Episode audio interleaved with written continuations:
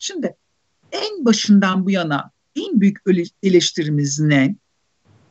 Bir yanda bir, bir şey yapılıyor, öbür tarafta bir şey yapılıyor, öbür tarafta bir şey yapılıyor. Burada bir karar alıyor, alınıyor, burada bir karar alınıyor. Ama bunların birbirleriyle ilgisi ve alakası yok.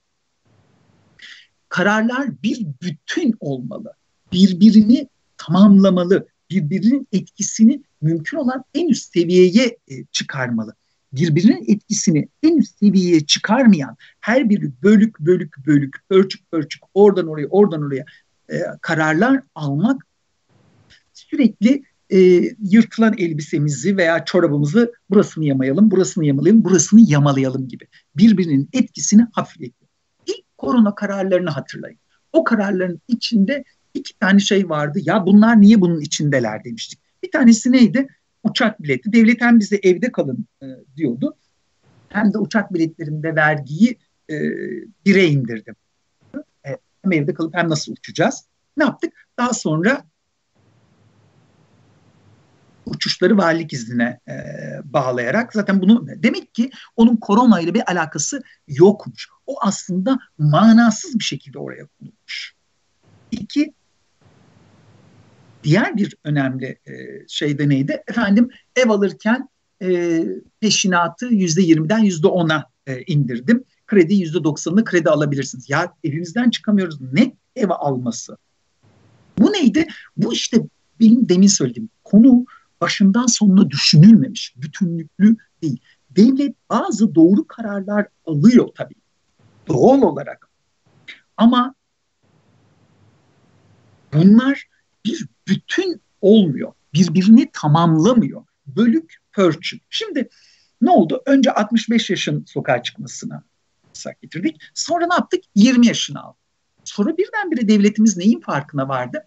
Milyonlarca 20 yaşının altında çalışan insan olduğunu farkına vardı.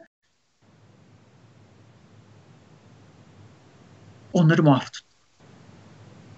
Böyle bir şey olabilir mi? Ya devletsin sen. Bunları biliyorsun. Kaç kişinin çalıştığını biliyoruz. Ben size şimdi birkaç rakam e, vereceğim. Türkiye İstatistik Kurumu yeni bir istatistik e, yayınladı. Geçtiğimiz hafta biraz. Ben bunun aslında yayını yapmak istedim ama şu an çok başka e, bir konular tartıştığımız için hani ona sıra gelemedi. Önemli bir konu çocuk işçiliği. Çocuk işçi derken şunu kastediyorum. 17 yaş ve altında yani 18 yaşın altında 18 hariç 17 yaş ve altında kaç kişi çalışıyor? 5 yaşla 17 yaş arasında kaç kişi? Türkiye'de 720 bin kişi çalışıyormuş. 5 yaşla 17 yaş arasında. 5 yaşında kimse yokmuş şükürler olsun ama 6 yaşında varmış. Ben size hemen rakamı e, söylüyorum. 720 bin kişiden 32 bini çalışan, 32 bini 11 yaşından küçük. 6 ile 11 yani 6, 7, 8, 9, 10, 11 yaşında 32 bin çocuk çalışıyor. Dostlarım 32 bin çocuk 11 yaşından küçük. 11. 11. Lütfen gözünüzün önüne 11 yaşında bir çocuk getirin. 11 yaşından küçük. En küçük. 6 yaşında 6 ile 11 yaş arasında 32 bin çocuğumuz çalışıyor.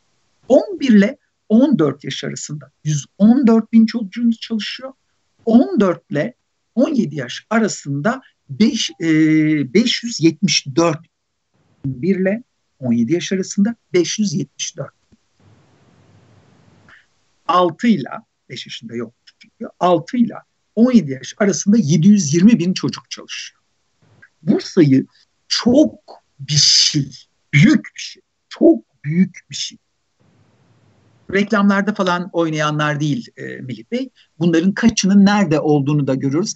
Peki açayım size hemen e, nerelerde çalıştıklarını bunların söyleyeyim. Ve bu çocukların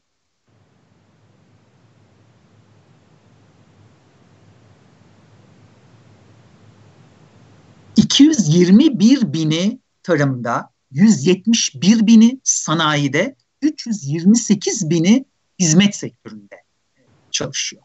Yani reklamlarda oynayan 720 bin çocuk yok. Bunlar basbayağı sanayide, hizmet sektöründe ve tarımda çalışan çocuklar. 720 bin e, çocuk. Ve bunların 32 bini de 11 yaşından küçük, 11-14 arasında da 114 bin çocuk. Şimdi bu önemli. E, niye önemli? Şundan önemli. Devlet kararlar alırken kendi e, sahip olduğu verilere bakmıyor demek. Bir karar alırken ister şirket yönetin, ister ülke yönetin, ister kendi hayatınızı yönetin. Verilere bakmadan karar alamazsınız. Ben öyle bir karar alabilir miyim? Verilere bakacağım.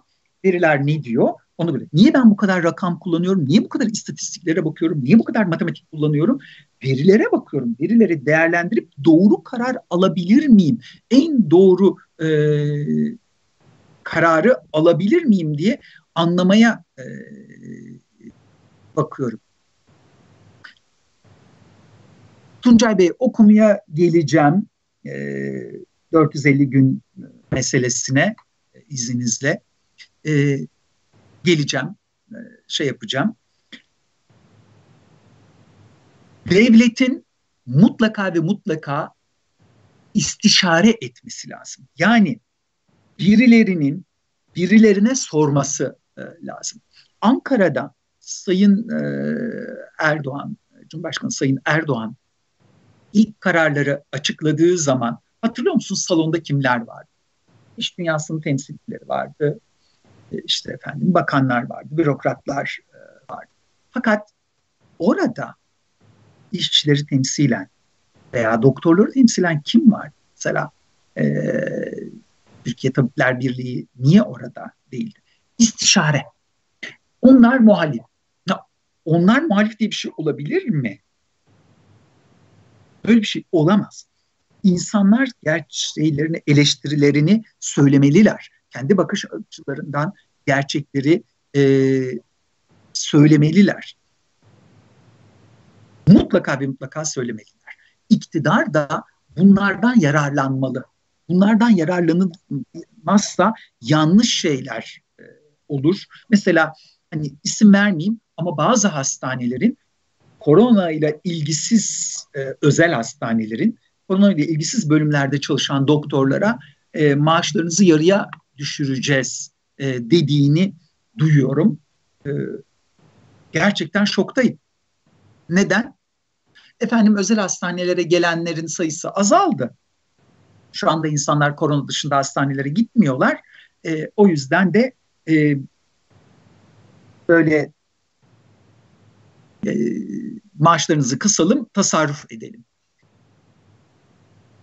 Böyle bir şey söz konusu olamaz. Bunlar yanlış şeyler. Devlet mutlaka ve mutlaka adım atmalı. Bu kriz bittikten e, sonra dostlarım bütün dünya şapkasını önüne koyarak düşünecek. Size söylemiştim devletin yeniden göreceğiz. Sahaya yeniden girdiğini göreceğiz. Neler yapılacak, neler olacak bunları e, konuşacağız. E, hepimiz konuşacağız. Ama devlet geri gelecek. Müzik